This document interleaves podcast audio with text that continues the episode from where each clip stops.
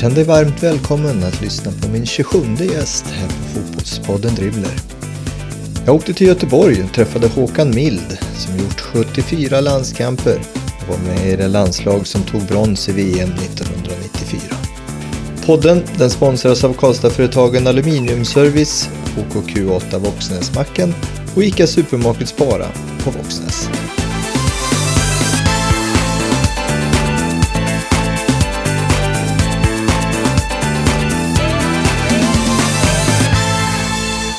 Håkan Mild kom till IFK Göteborg som tonåring. Han var sen proffs i tre länder men återkom alltid till sitt Blåvitt där han också jobbat som sportchef. Nu är han expertkommentator på Sveriges Radio så han har haft många olika roller inom fotbollen. Och fotboll, det var viktigt redan i unga år. Ja, det var det. Och jag bodde precis vid fotbollsplan och spelade med de äldre killarna. Så att fotboll har varit min stora passion egentligen hela livet. Du verkar väldigt eh, driven och målmedveten. Har du alltid varit sån? Ja, det har jag nog. Eh, med saker som jag är intresserad av. Och det, så är det ju. Är man intresserad av någonting så, så, så blir det ofta att man blir bättre i det naturligtvis. Och mm. fotboll mm. har jag alltid varit väldigt, väldigt intresserad av. Så att, eh, och jag har alltid tyckt om att träna och alltid velat bli bättre. Så det har nog varit speciellt när det gäller fotboll. Skulle man kunna säga att den typen av målmedvetenhet är en gemensam nämnare för att kunna lyckas? Eller finns det andra vägar? Jag tror idag är det otroligt svårt om du inte är målmedveten. Om du inte är villig att, att göra jobbet, att du inte har insikt och förstå att det krävs ganska mycket att, att vara bland de bästa. Då tror jag inte du blir bra idag. Förr kanske så kanske det var att man tränade två, tre gånger i veckan och det var talang. Men idag är det de som är bra, de är otroligt vältränade. Så att, eh, du, du slår dig inte igenom där om du inte är det. Mm. Så talang tar dig bara en viss bit? Absolut, du behöver ha talang för att träna. Det känns ju som att var man än tittar och letar efter Håkan Mild så hittar man alltid någonstans Blåvitt. Men, men starten är ju faktiskt någon annanstans. Starten är i Trollhättan. Finns det någonting i det som formade dig väldigt starkt? Det är klart att, att miljö och arv formar det. Som min uppväxt naturligtvis har ju naturligtvis format vem jag är och vad som är viktigt och hur man beter sig och, och eh, hur man fungerar i ett lag etc. Så det är klart att det har haft en stor betydelse. Ge något exempel på vad i Trollhättan det var som formade en ung Håkan Mild? Ja, bland annat var det att alltid försöka göra sitt bästa. Och det, som sagt, jag spelade ganska tidigt med äldre spelare och där fick man veta sin plats. Och, eh, för att få respekt så gäller det att göra sitt yttersta och, och kanske inte vara så kaxig utan eh, visa på plan istället och, och vara ödmjuk. Så att, eh, det var väl mer så förr naturligtvis, men, men Trollhättan var det definitivt så. Men hur var du som ung? Jag spelade mittfält också. Jag gjorde väldigt mycket mål kan man kanske inte tro när man ser mig som, som eh, seniorspelare. Men jag var ganska tidigt duktig i, för min egen ålder. Då, så att jag spelade i alla distriktslag och jag var tidigt med i landslag och sånt också. Så att, eh, jag var nog ganska framträdande i, i, i, mina lag på så sätt. Och sen så blir det ju att man, man behöver nog nischa sig lite om man ska lyckas och få vara med hela vägen då till landslag och sådär. Mm. Och då blev väl min grej eh, på ont och gott, mest gott, att jag blev den där eh, killen som, som sprang ganska mycket och kämpade. Lade du ner någon tid på skolan eller var det bara fotboll hela tiden? Jag var eh, måttligt intresserad av skolan, om jag ska erkänna. Jag var inte någon... Eh, var inte helt värdelös, men jag var ingen briljant individ heller i skolan. Var den där målmedvetenheten så stark så att du kunde säga att jag ska bli jag ska bli proffs? Jag sa nog aldrig att jag, jag vet inte, jag sa att jag skulle bli proffs, det sa jag säkert när jag var liten. Men ja. annars så sa jag nog kanske inte riktigt så. Som att jag eh, ville bli fotbollsspelare. Det var tidigt att jag ville gå fotbollsgymnasium och att jag skulle hålla på med fotboll. Det, det ville jag ju. Sen vet man ju aldrig. Men som sagt, det ena har lett till det andra och jag, som sagt, jag var ganska duktig tidigt så jag spelade A-lagsfotboll när jag var 15 och så blev jag sommarproffs i IFK Göteborg och kom med i juniorlandslaget. Sen har jag lett till det andra. Jag har, inte behövt, eller jag har aldrig tänkt så mycket utan...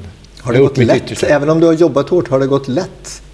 Alltså, sånt där går ju inte lätt, det gör det inte. Utan jag har lagt ner otroligt många timmar. Men om du tycker något är roligt och intresserat så mm. tänker du inte på att det är jobbigt. Nej. Eller att det är tråkiga träningar. Nej, det, nej, jag har aldrig känt att det är som många kanske har gått till träningen i januari, kallt ute och nu kanske vi ska löpa eller något sånt där. Så har inte jag tänkt. Utan...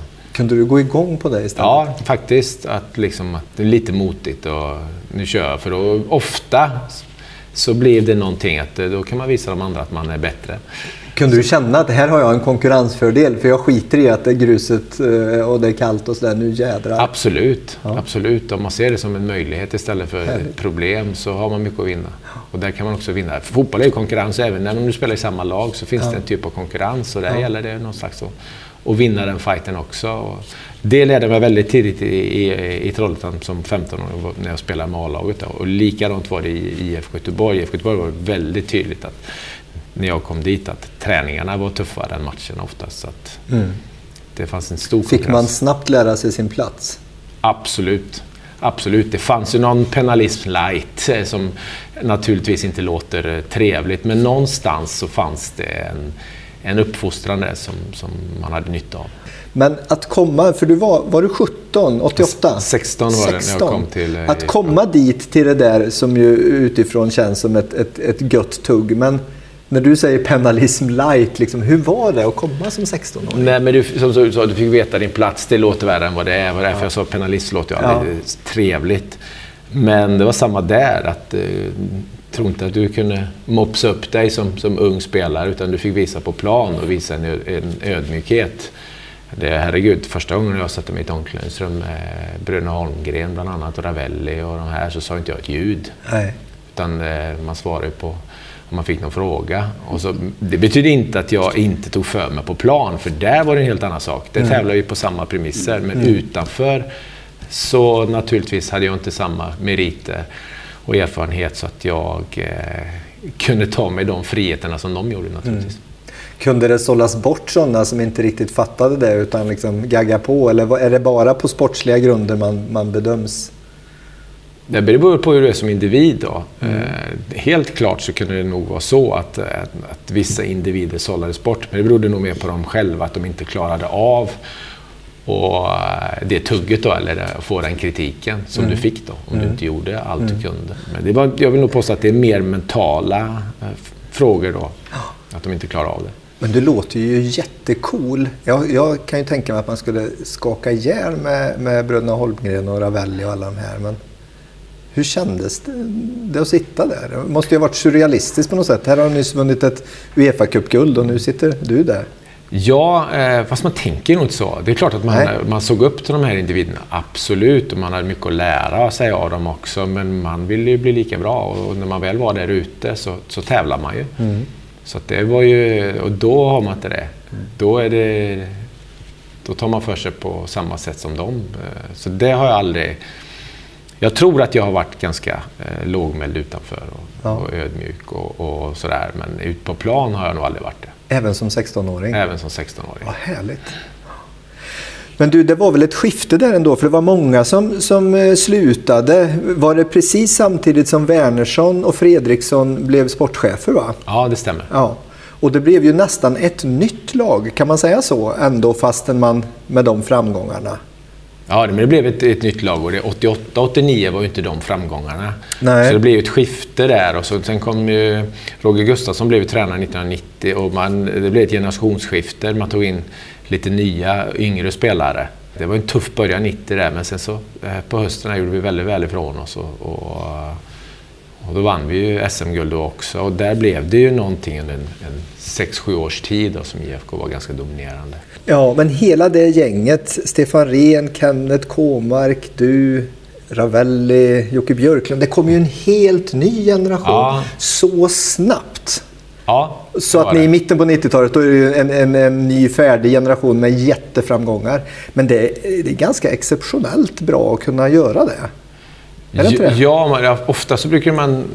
Visst, det är ju väldigt svårt. Samtidigt så var IFK i en sån position att man, man hade lyckats ganska bra. Och, eh, man hade ganska lätt tror jag, att få de bästa yngre spelarna. Det var inte andra klubbar som kanske var så långt framme organisatoriskt heller. Mm. Och ta de här spelarna. Det var ju Malmö FF egentligen och IFK Göteborg då, som, som tog spelare från hela landet. Mm. Man kunde verkligen plocka russinen ur kakan. Ja, och IFK var så pass starka där också så att man, man fick ofta de man, man ville ha. Och på den vägen då så byggde man ett, ett nytt lag. Men det var väldigt starka individer där också. Så att, och man hade tid på sig på den tiden att ja. utvärdera individer. Det har man ju inte alls på samma sätt idag. Nej. Måste ändå ha varit en skön känsla i det att känna att jag är ett av russinen i kakan. Ja, nej, det var ju jätteroligt naturligtvis. Ja. Det tänkte man heller inte på då, men, men idag så är Nej, absolut, men ändå när man ser att det kommer den ena toppspelaren ja. efter den andra och du håller liksom och ändå är så ung. Ja, och de flesta spelarna, jag tror att den uttruppen som jag spelade i IFK så kanske det var 11 eller 12 landslagsmän. Men det var ändå inte så många som gick upp i A-laget då. Det var det inte? Nej, inte, inte utifrån 71 var det inte så. Så det sker ändå en ganska stor utslagning fast man har kommit så långt? Ja, men absolut. Visst, visst, är det så. Mm. visst är det så. Går det att peka eh, återigen på någon slags målmedvetenhet eller så som gör att vissa utav er ändå tog steget? Så är det ju. Och naturligtvis kan du ha lite tur också att just där finns en plats öppen. Och när du väl får chansen att göra den här matchen så ska du göra den bra. Mm. Så visst är det tur lite grann med också. Men eh, jag tror absolut om du har bestämt dig för någonting och verkligen är villig att ge dig hän och, och tar utmaningar också och orkar och göra det som man säger och inte bara pratar. För det är lätt att säga att jag vill gärna vara med men man gör inte jobbet. Mm. Eh, men gör man det så tror jag att det finns alla förutsättningar. Att förr eller senare kommer det lyckas. Mm. Hur stor del hade eh, Roger Gustafsson i det lagbygget som sen blev så framgångsrikt några år senare? Ja, jättestor. Han var han som satte ihop laget och vilka individer han ville ha, så han hade ju jättestor del i det. Men sen så Roger behövde ju aldrig på något sätt vara någon auktoritet på det sättet, för det skötte vi själva. Vi hade sån tävlingsinstinkt så att han behövde ju aldrig mana på att vi skulle träna hårdare eller ha bättre tempo eller det här. För det, det löste vi ganska bra själva. Däremot var han ju en otrolig strateg för att vi skulle lyckas med, mm. med ett spel då, utifrån den kompetensen som fanns i laget. Så det var han jätteduktig på. Var det exceptionellt för just det laget eh, att ni hade det drivet och att han kunde koncentrera sig på andra saker. Jag vill nog påstå att under den perioden, och sen är det möjligt att man gör lite valda sanningar för att man tyckte att det var bra då, men jag vill nog påstå att just den perioden var en speciell grupp. Det var otroligt högt i tak. Alltså. Mm. Och eh, det, eh, det, tror jag att det var på 80-talet också om man pratar med Thomas Wernersson och Glenn Hysén och de här också, att det var jäkligt högt i tak. Alltså. Ja. Du säger till och med att det, det var hårdare på träningen på match. Ja. Och, och, jag kan tänka mig många vinnarskallar och att det ibland blixtrar till. Men att det finns någonting mer än det. Någonting som gör det till något speciellt ändå. Jag tror att om man är ärlig mot varandra och, och i en sån miljö, om man klarar av att vara det, för att det stannar ju på plan. Mm. Sen så sticker jag inte att man kan vara grinig efteråt, men ofta så stannar det där och sen efteråt så, så fanns det en, en, stor gemenskap och respekt för varandra.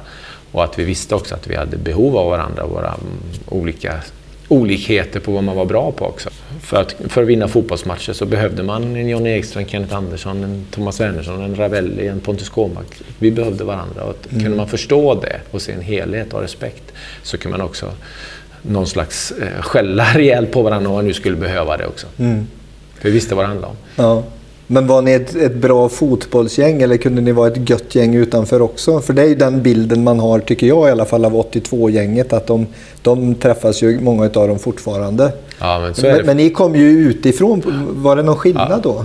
Det vill jag inte påstå. Vi, det var, vi fostrades in i det också. Ja. Så det, var, det var fullt ös på plan och det var fullt ös utanför också om man nu säger så. Ja. Det, det fanns tid till det. Ja. Absolut. Och det är ju någon slags att man man behöver ha en respekt och en, en vänskap för att kanske få det att lyckas hela vägen ut på plan också. Men jag tror att det är en, en förståelse för, för olika eh, kompetenser och ens olikheter. Också. Ja. Men kunde man på något sätt känna att man förvaltade något arv som var speciellt? Eller? Ja, det sitter ju i väggarna och vinner. Det gör det? Ja, men det gör det. Och det lider ju IF Göteborg. Det är en styrka, men kan också vara en svaghet att man fortfarande så finns det ju människor som, som tycker att men på 80-talet så vann man Uefa Cup-guld. Och så vet man, tänker man kanske inte på hur det ser ut idag. Att eh, en, en Champions League-klubb omsätter 1,2 miljarder och IFK Göteborg omsätter 100 miljoner. Så det är inte riktigt lika enkelt. Där var det lite mer på samma premisser. Man fick ha tre utländska spelare. Idag kan du ha 11 utländska spelare på mm. plan och så man bara kan få ihop det bästa. Mm. Och man, det finns organisationer runt omkring med hur mycket man, man satsar i vetenskap och etc. Så det är lite skillnad idag eh, jämfört med då. Och då, då, tränar man, jag tror att de tränar tre gånger i veckan eller något sånt plus match. Idag tränar man kanske fem, sex gånger i veckan plus match. Då. Mm. Utom när det väl är säsong riktigt. Då, när, när de stora lagen spelar två matcher i veckan, då, då går det på annat. Vi åkte varje år till Kanarierna på, i januari och mötte Bayer Leverkusen och vi mötte Ajax.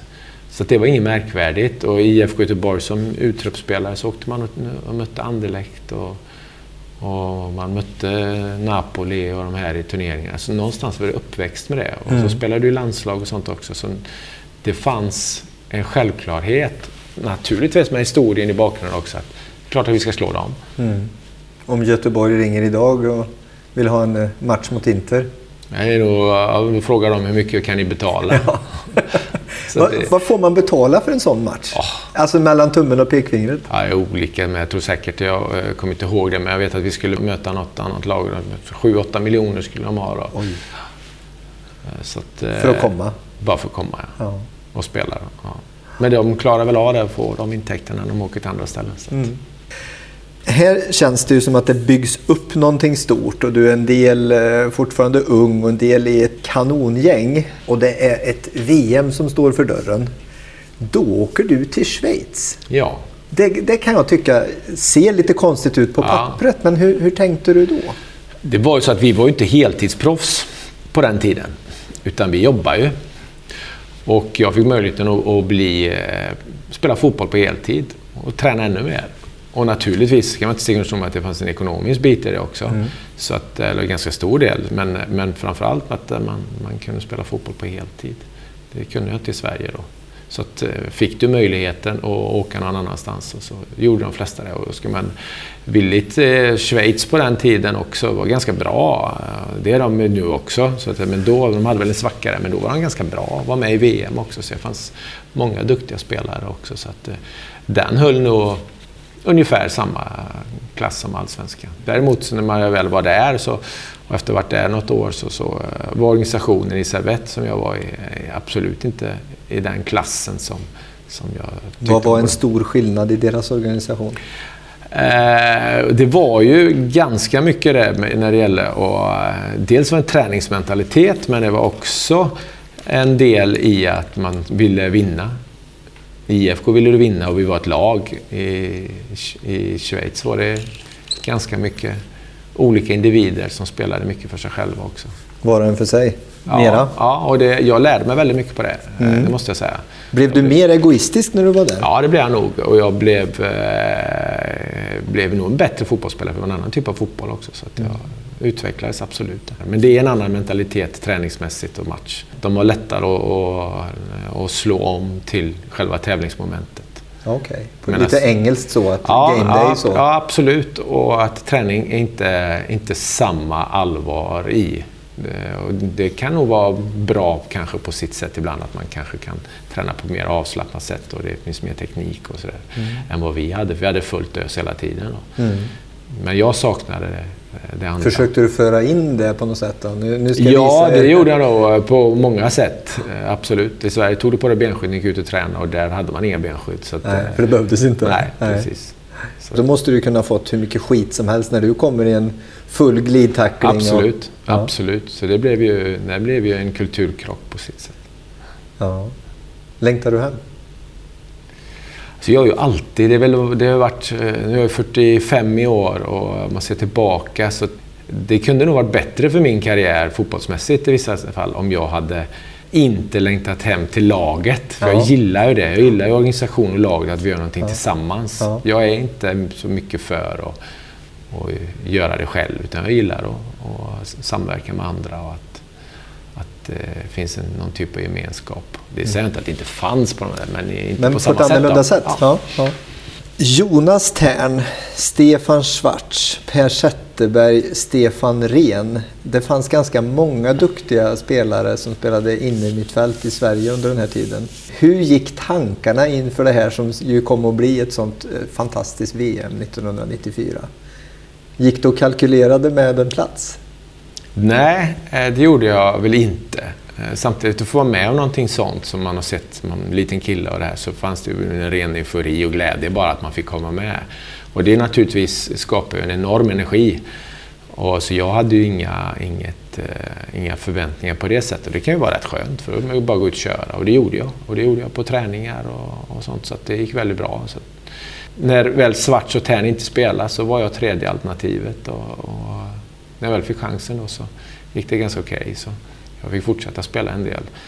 Och det, var, det var glädje helt enkelt. Det fanns inget att förlora. Och det, så var ju hela VM för, tror jag, för de flesta. Att det var kanske inte någon som trodde jättehårt på oss. Och många spelare var extremt bra vid rätt tillfälle och tillsammans. Mm. Och det fanns två gäng och där gjorde Tommy Svensson och Tor ett jättebra jobb för de tog ut ett sånt lag som också, som, där det var individer som som hade en stor rollacceptans och mm. accepterade kanske att man kanske inte kommer spela så mycket men som körde eh, hela tiden. Jag har ju hört dig använda det och det är ett, ett intressant begrepp det där, rollacceptans. Men, men jag tänkte först fråga, mm. eh, eh när du säger att man hade tagit ut två läger eller två lag, hur menar du då? Nej, men man, man eh, hade ju ett antal individer och framförallt många från IFK Göteborg som eh, ödmjuka lagspelare som, som accepterade att sitta på bänken utan att grina ihop. För det är svårt under en så lång period som sex veckor, fem, sex veckor som man är ihop och inte får spela med väldigt tävlingsinriktade individer. Som är vana att spela också. Men ändå klarar av det då för lagets bästa. Och inte skapa negativ energi. Eh, det är en, en, eh, en stor kunskap skulle jag vilja säga som är svår. Jag själv har aldrig varit speciellt bra på den så sett men, men där fanns den, den acceptansen. Mm. Så det hade Tord och, och Tommy eh, gjort en bra utgallring vilka som skulle vara med. Eh, och all cred till de spelarna som kanske inte spelar så många matcher för de hade stor betydelse för den framgången som var i VM 94. Mm var det ganska självklart vilka som hade vilka roller? När du, för du säger ju ganska tydligt två lag eller två grupper. Ja, men det är klart att eh, Brolin skulle spela. Det visste ja. ju alla. Mm. Eh, Martin Dahlin kommer spela. Tern mm. kommer spela. Mm. Eh, Patrik Andersson kommer spela. Roland Nilsson kommer spela. Det vet man ju. Thomas Ravelli kommer spela. Då handlar det om att se till att när du väl får den lilla möjligheten på träningen, att du visar att du är bättre. Mm. Så att, eh, det var inte två läger ur ett, ett negativt sätt, utan Nej. det var snarare så att man, de här kommer ju spela mm. bara de mm. som hade gjort väl från sig innan. Då. När man pratar om 94, VM, så, så snackar man ju oftast om att det var många som var i sitt livsform. Ravelli blommade ut och blev äntligen accepterad mm. och Brolin kom med i världslaget. Men skulle du säga att den här rollacceptansen är en, en stor bidragande orsak till att det också gick så bra? Absolut. Om man jämför med till exempel senare 2000, var det annorlunda? Ja, eh, det var annorlunda. Ehm, laget i sig kanske inte var, var lika bra naturligtvis. Och då, det hade hänt, hade hänt väldigt mycket under den perioden också, både massmedialt och, och krav och TV och sånt hade kommit in också. Så media i VM i USA hade vi ju ingen koll på överhuvudtaget. Medan eh, EM 2000 så hade vi ju Aftonbladet eller GT eller, något, eller Expressen direkt efter. Så där kan du liksom läsa och med en gång att hur odugliga vi var och det är klart det påverkar. Så det tror jag inte man har på, även idag så, så sitter du i mobilen och sånt så man kanske ser det på ett annat sätt. Men vi var ju förskonade från allt sånt. Det var ju inte alls lika mycket. Mm. Idag är det, mycket, det är en helt annan värld idag. Idag ska man skriva, jag menar, då fanns det inte Aftonbladets röda sidor på något sätt där de ska hitta tusen olika vinklar på vad individer gör. Och, och heller den typen av journalist, journalistik fanns inte heller. Så det hände jättemycket under mm. de, de åren. Jag tänkte på en, en, härlig stopptid som jag såg Jens Lind göra där, där Göran Zachrisson står eh, och lutar sig mot stolpen under en träning VM 74 och intervjuar Ronny Hellström mitt under träningen ja. under ett VM. Eh, den där närheten, och, så som du beskriver den nu då, känns det som... För jag tycker det på ett sätt ser jäkligt mysigt ut och, härligt och, så. Men, men var eran bild eh, gött att de är borta för de är bara ute efter att hitta negativt? Ja, Är det, så? blev, det blev ju så till 2000, för Ja. där var det ju negativt. Mm. Även om vi gick till EM så var det ju en negativ bild. Jag tror vi mötte Luxemburg och vann med, dock bara 1-0 tror jag var. Och gick till EM så gick man inte till EM. Men den stora frågan var varför inte Per Zetterberg hade spelat från start. Tror jag. Så det var, det Ja, var okej. en, en jättekonstig känsla. Det var inte Per Zetterbergs fel på, på något sätt, utan det var det. Medan eh, VM 94, då var det även, de, de intervjuade inte när vi tränade, men varje dag så hade vi en timmes presskonferens. Så Men var inte det trevligt? så det är ju inte så jäkla roligt, det måste jag erkänna, om liksom du sitter där och så för femte dagen i rad, i rad sitter du en timme och du får inte en enda fråga.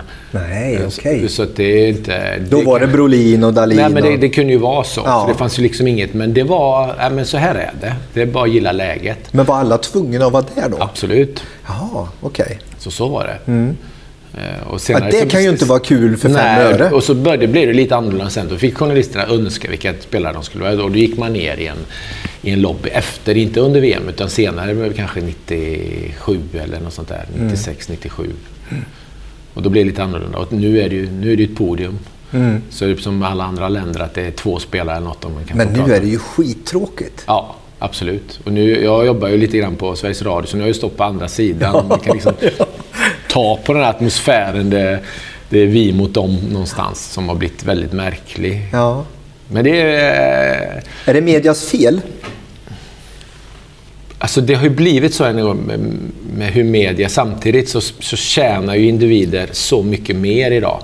Tack vare media och tv-pengar och allt det här. Så då måste man ju hitta på och skriva saker. Så någonstans så, så, är man ju med i, i, i det här spelet. Och, och många fotbollsspelare de twittrar och med Facebook och Instagram och det här också. Så de exponerar sig själva också. Så ibland ska jag tycka att gnäll inte. Men det är klart att det är ju inte intressant att någon, någon kanske skriver om mig förutom det fotbollsmässiga då när jag väl spelar. Men skulle man inte kunna tycka att spelarna kunde bjussa lite mer? Att det skulle kunna åt båda håll bli lite mer avspänt? Jo, men absolut. Men det är ganska intressant det där. För idag är det ju inte så. Jag har varit med ganska många gånger att jag har gjort ett reportage, precis som vi skojade om här förut. Eh, de har gjort ett längre reportage då och gjort en intervju och så, eh, som är seriös. Och så tar nästa tidning eller journalist ut det.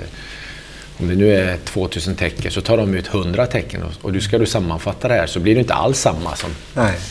Och så så, ska idag, idag är det ju så, förut gjorde ju journalisterna jobbet. Idag citerar ju man varandra. Så de gör ju inte ens jobbet. De skriver vad andra har skrivit. Mm. Och så tar man ut det som man tycker är kul om. Och då blir det att du kan inte. Nej. Du kan inte uttrycka dig. Jag hade en för inte så länge sedan här när man pratade om att IFK Göteborg sålt Kamratgården. Jag sa exakt samma sak till Göteborgstidningen som jag sa till GP. Men Göteborgstidningen ska spetsa till det lite mer. Så de skrev ju på ett helt annat sätt än, Göte- än, Göteborgs-Posten gör. Då. Och då blir det ju på något sätt att man, nej, man drar sig för, för att det är inte värt det. För det är massa som man känner som på något sätt kan bli sårade om man, om man har inte lust med det. Men blir det att man får, vad ska man säga, favoriter eller sådär? Att den och den kan man snacka med. Kan man göra så som spelare? För dig, li- jag litar på vad du gör av det här. Liksom. Ja, fast förr eller senare så blir det ju ändå att, eh, att journalisten ska göra sitt jobb. Det har inget, Man ska nog förstå, sin, förstå sin, sin plats där också. Ja, ja. Men, men ändå liksom att har man gjort några intervjuer med någon som all, bara liksom gör det dumt, då, då kan man ju förstå att Ja, de har ingen lust att snacka längre. nej. Beskriv det här eh, skiftet under 94 där du faktiskt mycket tydligt eh, går från att vara en av de rollaccepterande spelarna som sitter bredvid till att faktiskt spela resten utav EM. Jag kom in första matchen mot Brasilien och sen var det. Saudiarabien. Ja. Och så spelade jag... eh, jag spelade mot Bulgarien och jag spelade mot Rumänien. Och jag spelade mot Brasilien Ja, också. men då spelar du resten sen. Det Ja, var bara början. precis. Första Ja, två då. Och sen hoppade jag in i två och så spelade jag tre. Ja. Fick man frågor plötsligt i Polen då? Ja, precis. Det blir mer i alla fall. Exakt. Ja. Ja, så var det ju. Ja, ja, ja. Men hur var det då? att Kliva in i- mera in i värmen om man säger och få lira? Det är klart att det var ju jättestort för, för mig som 23-åring att få, få spela VM mot alla dessa fantastiska fotbollsspelare. Så är det klart att det var en dröm. Men när du är mitt i det så tävlar vi ju. Då vill du bara vinna. Ja. Så att då ser man kanske inte upp till det på samma sätt. Rumänien-matchen. Vilka minnen är bestående för din del som var på plan? Ja, det är naturligtvis är det ju en, en, fantastisk match på många olika sätt och speciellt eh, för min del som var både himmel och helvete. Eh, men det är också ibland så är det bara att det, det är svårt att förklara utan man bara känner att det här är man är varken nervös eller något sånt utan det är bara, som jag sa innan, det är stor glädje och eufori och det finns bara möjligheter. Mm. Det är mm. ungefär nästan, det går inte att få stryk. Och även, så att, även får en man utvisad och, och, och ligger under så, så ser man att, eh, även om inte jag har sett det på väldigt, väldigt länge, så, så eh, ser man att vi jagar hela tiden och vi, vi tror på det. Och det är väl det det handlar om, att tro mm. på det man gör. Känslan när Kenneth nickar in 2-2? Ja, det är helt otroligt. Och så kommer den där jädra straffläggningen Håkan. Den frågan har du aldrig fått va? Nej, jag har aldrig fått den. Ingen har sagt så här, hur kändes det? Nej, precis. Nej. Han får till och med av sådana som inte ens var födda då. Så ja, att, ja. Äh, ja, nej, men får jag. Det, men det är ett sånt där tillfälle som, eh, där man, jag vet precis var jag var någonstans. Mm. Där jag kan säga att där var jag när, när du slog den straffen och de ja, andra. så säger väldigt många. ja. Att, eh, men är inte det häftigt att ha varit med? Även om just din straff gick åt helsike den mm. gången. Är inte det en cool grej att ha varit med om? Att folk säger så? Jo, men visst är det det. Visst är det. Än en gång så, utan att någon slags, inte förtara på något för det är ju jätteotroligt stort. Så. Mm. Man är mitt i det så, så, eh, så kanske man inte njuter av det på samma sätt. För då, nej, liksom, det är då är det där inne och man kommer nej. ihåg det här. Då liksom, det är tävlingen. Och, och så här i efterhand så, så är det ju fantastiskt roligt att få vara med om. Mm. Men om jag ska gå in i den känslan som var då så var det liksom... Då är det ju och vinnarinstinkten som är där och den är ju inte alltid nej. njutbar så. Vi har ju tränat på det innan och jag har ju satt på enda straff. Mm. Alltså att, det var i och för sig på Ravelli då, så att det, det kanske var så sitt. Men eh, jag hade satt varenda straff, så att jag var ganska trygg när jag skulle fram. Jag var exakt eh, också trygg med hur jag skulle göra. Och, mm. och jag gjorde det också förutom att jag fintade bort målvakten och sen sköt jag över. Och just när jag går tillbaka där så, så fattar jag nog inte riktigt. Att, eh, lite naivitet där, att jag mm. fattar inte riktigt liksom, att vad det här innebar. Mm. Det är ju mer efteråt sen att man förstår att tänk om, tänk om vi hade åkt ut. Det är klart att det hade blivit, an, det hade klart blivit stor eh, skillnad på ja. hur det är idag. Och som en kille som ju tycker att det här med att vara en del av laget och i det läget kanske då känna att jag har svikit laget. Ja, kanske var den tuffaste ja, biten. Men så, så, är det ju. Så är det ja. Visst är det. Att möta Brasilien sen då? De har ju ganska coola lirare. Ja? Nej, de var ju bra och då var vi, då var vi lite vi hade kanske inte riktigt den orken i, i laget. Lite stukat? Ja, vi var lite mm. stukare. Och vi hade någon, någon, lite skador och, och sådär också kanske på några spelare som kanske inte kunde gå fullt. Och det var väl ett, en av de få matcherna man känner att eh, vi har inte mycket att hämta här. Mm. Hur är det att vara Håkan Mild då och känna så? Det är extra jobbigt tänker jag då. Ja, men lite så är det ju. Lite så att du kommer liksom inte nära och, och du får aldrig tag i bollen utan du får, du får bara löpa ja. och inte komma i någon kroppskontakt och det här. Så att, eh, det är klart att det, det, var tungt. Ändå så fanns det någonting att, ja men visst vi kan, vi kan göra det här. Men det, det var inte samma kraft i oss som, som matcherna innan. Men den kraftansamlingen som sker sen och, och den utskåpningen av Bulgarien. Ja, vi klarade ju att ladda om, vilket ja. Bulgarien inte gjorde. Kunde man känna det, liksom, att de här är inte på tå? Liksom? Ja, vi, vi var så pass eh, mer triggade och hade mycket mer energi än vad de hade. Så det känns ganska tidigt att det här kommer vi vinna. Ja. Och sen det mottagandet ni fick?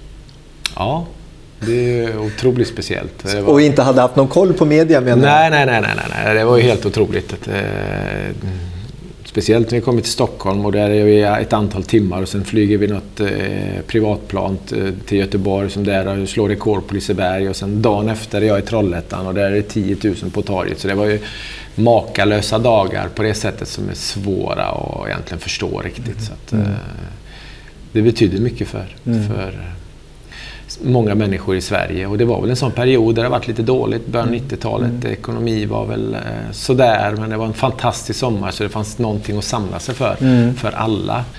Det blev väl en glädjeyttring där. Inte bara för oss som spelar utan även för svenska folket. Var det baksmälla att komma hem sen till någon slags vardag? Det var det ju lite. Vi hade, jag hade varit med i Servette och vi hade vunnit schweiziska ligan och vi skulle kvala till Champions League och man kommer hem och du var rätt trött då och du mm. Hade inte, inte den styrkan som man ska ha när man ska gå in i dem, den turneringen. Det blev ett, ett bakslag för min del med skador och sånt också där på hösten. Proffssessionerna sen då? För nu varvar du ju. Du kommer ju hela tiden tillbaka till Blåvitt. Eh, Real Sociedad, du spelar i Spanien. Ja. ja. Oh, vad häftigt. Ja, det var det. Det var riktigt häftigt. Och där var jag i två år och sen var det privata orsaker att flytta hem. Så det kan jag väl tycka så här i efterhand att jag borde ha stannat längre. Ja. För att det, det gynnade min karriär och min utveckling som fotbollsspelare. Eh, fantastisk liga att spela i. Otroligt bra fotboll. Mm. Utbildade mm. spelare, mycket publik. Jag bodde på ett fantastiskt ställe i San Sebastian också. Så att, eh, nej, det, en, det är nog den eh, bästa upplevelsen jag har. Man pratar om utlandsvistelser ja. och så. Är det stor skillnad Spanien-Sverige? Ja, det är det. På vilket sätt? Eh, det är mycket mer teknikinriktat men också på individuell skicklighet, att man litar på varandras skicklighet mer. Man lämnar ut varandra på ett, eh, ett annat sätt än vad jag var van med i IFK mm. Göteborg där vi försökte hela tiden få två mot en situationer, både mm. offensivt och defensivt. Att vi hade mer synkat i laget i vårt anfallsspel och sånt också. Där gick det mer ut på kombinationer och ta sig förbi sin spelare, mm. väggspel och det här. Så eh, det, var, det var skillnad som jag lärde mig också väldigt mm. mycket på. Eh, otroligt bra fotbollsspelare. Var det bittert att Wimbledon-tiden blev så kantat av skador? Det måste ha varit häftigt. Jag tänker din spelstil i, i England. Ja, men det var ju lite så. Jag hade en dröm att alltid fått spela, och spela i engelska ligan. Och det här var ju Championship då. Så fick jag den möjligheten eh, av olika anledningar. Jag hade varit eh, skadad lite på året och det var ju oklart om jag skulle, hur det skulle bli med kontrakt med IFK. Då blev jag rätt irriterad. Och så valde jag att, att gå till Wimbledon istället för de kom för sent till Göteborg i den, i den mot en trotjänare? Ja, eh, så kan man ju se det. Man har alltid olika åsikter om det där, men det irriterade mig. Så att, då valde jag att jag fick den möjligheten att mm. gå till England. Jag har alltid mm. velat spela i England. Men det blev ju en besvikelse både för mig och dem att jag var så mycket skadad. Under ja. det året som jag var där så tror jag jag spelade nio matcher bara. Ja. Att jag var borta så. Och sen alltid tillbaka till Blåvitt. Var det aldrig, högg de aldrig några andra klubbar och ville Jag hade ju möjligheter att göra någonting annat. Mm. Men där var väl min lojalitet på något sätt. Att mm. det, det, var mitt hem och jag hade så mycket att tacka för så många individer där. Mm. Så att någonstans eh, blev det så. Det är klart, när man sitter här eh, tio år efteråt, man mm. slutar, så det är klart. Man ska inte ångra någonting. Eh, för att det ena leder till det andra. Och det är väl, ödet lite grann. Att man mm. sitter här idag mm. Eh, och gör det jag gör som jag är tacksam för att jag får göra naturligtvis. Men eh, hade jag vetat jag vet så kanske jag hade gjort lite, och eh, vissa saker annorlunda naturligtvis. Det var ju några år där, där det inte den här vinnarkulturen fanns kvar. Att komma tillbaka sen som sportchef, ta in sina gamla lagkamrater Ren Olsson. Det måste ha varit en liten gambling och så vinna SM-guld 2007. Hur gött var det? Ja, vad, vad otroligt skönt var det. Och sen var det att vi hade gjort ett ganska stort jobb med att försöka komma tillbaka till våra rötter lite grann.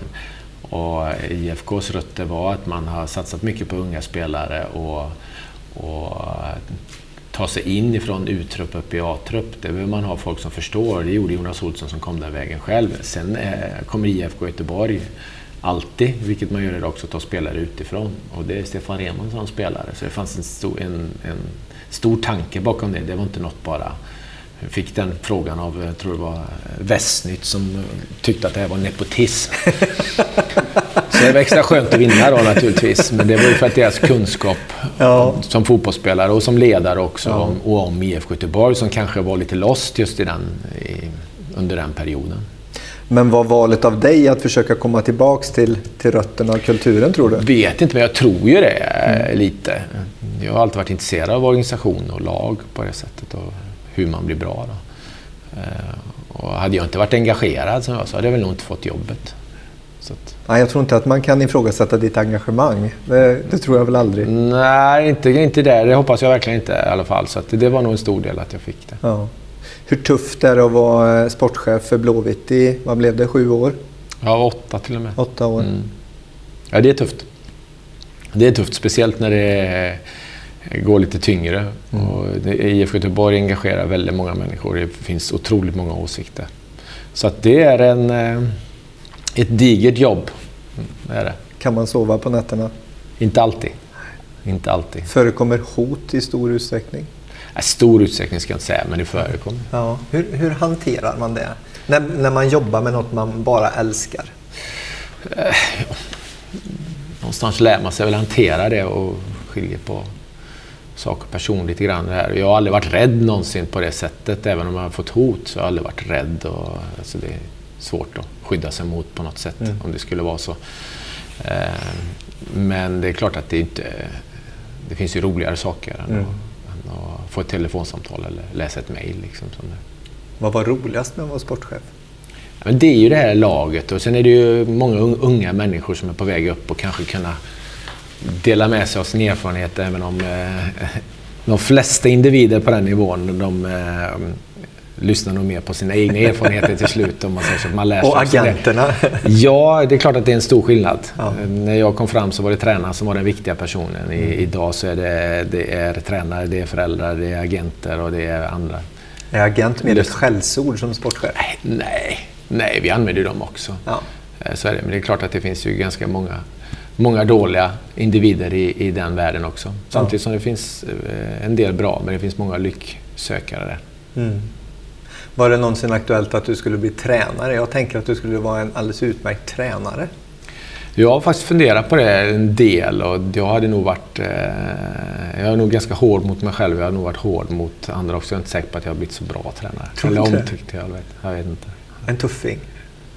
Ja, jag jag hade nog haft väldigt svårt att typ träna division 3-lag eller något ja, sånt. Utan okay. jag behöver nog vara på högsta nivån för ja. att jag ska... Ge mig försöka... landslaget. Nej, då, då, då nej, kanske inte riktigt. Men jag, jag, skulle nog behöva på riktigt. Ja. Inte, absolut inget otroligt eh, viktigt med alla dessa mm. individer som tycker att det är kul. Men jag tror inte att jag hade tyckt det var så kul att träna ett division 3-lag. Och sen utifrån det, fortfarande kvar i sporten och så byter du och så eh, ska du köra eh, expertkommentering i, i radio. Ja, Hur vi, hamnade du i den? Jag fick eh, frågan från Sveriges Radio. Min första fråga var också varför vill ni att jag ska vara det? Så att, för jag har inte varit så utåtriktad varken som... Vad sa de då?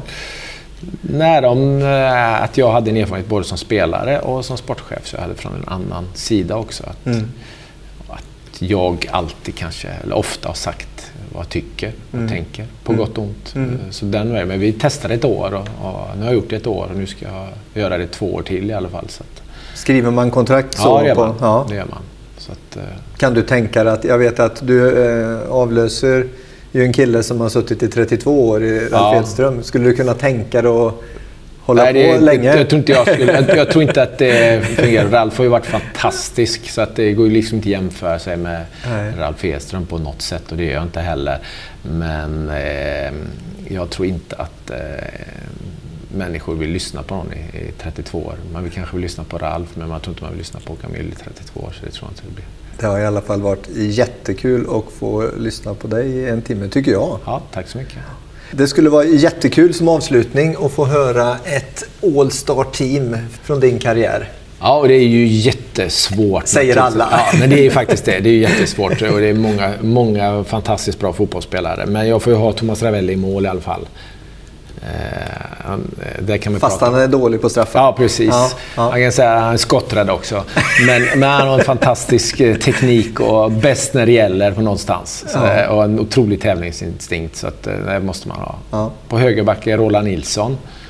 Otroligt gedigen fotbollsspelare. Där skulle kunna vara Pontus Kåmark, där skulle kunna vara Micke Nilsson också. Det finns ett, ett gäng där. Stefan Lamberg som också spelat högerback. Men jag har Roland Nilsson. Och mittbackare är eh, Patrik Andersson och Jocke Björklund. Och där skulle också finnas massor som jag skulle kunna ha där som Teddy Lucic och Jonas Olsson med mera.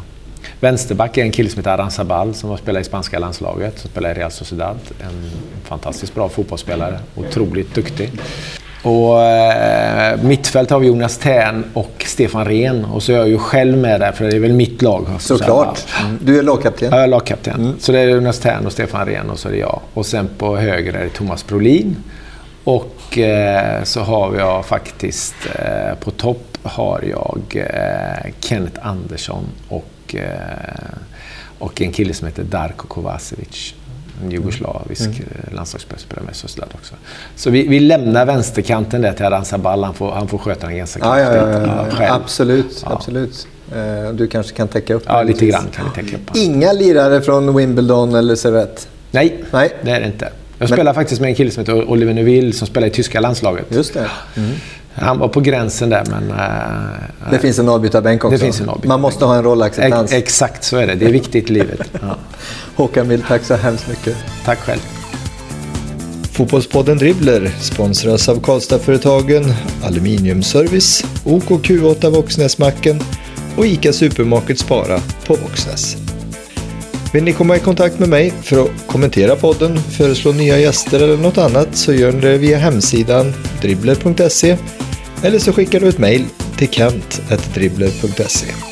Du hittar mig också på Facebook som Fotbollspodden Dribbler och på Twitter som DribblerKent. Du hör fler profiler här på Fotbollspodden Dribbler under våren.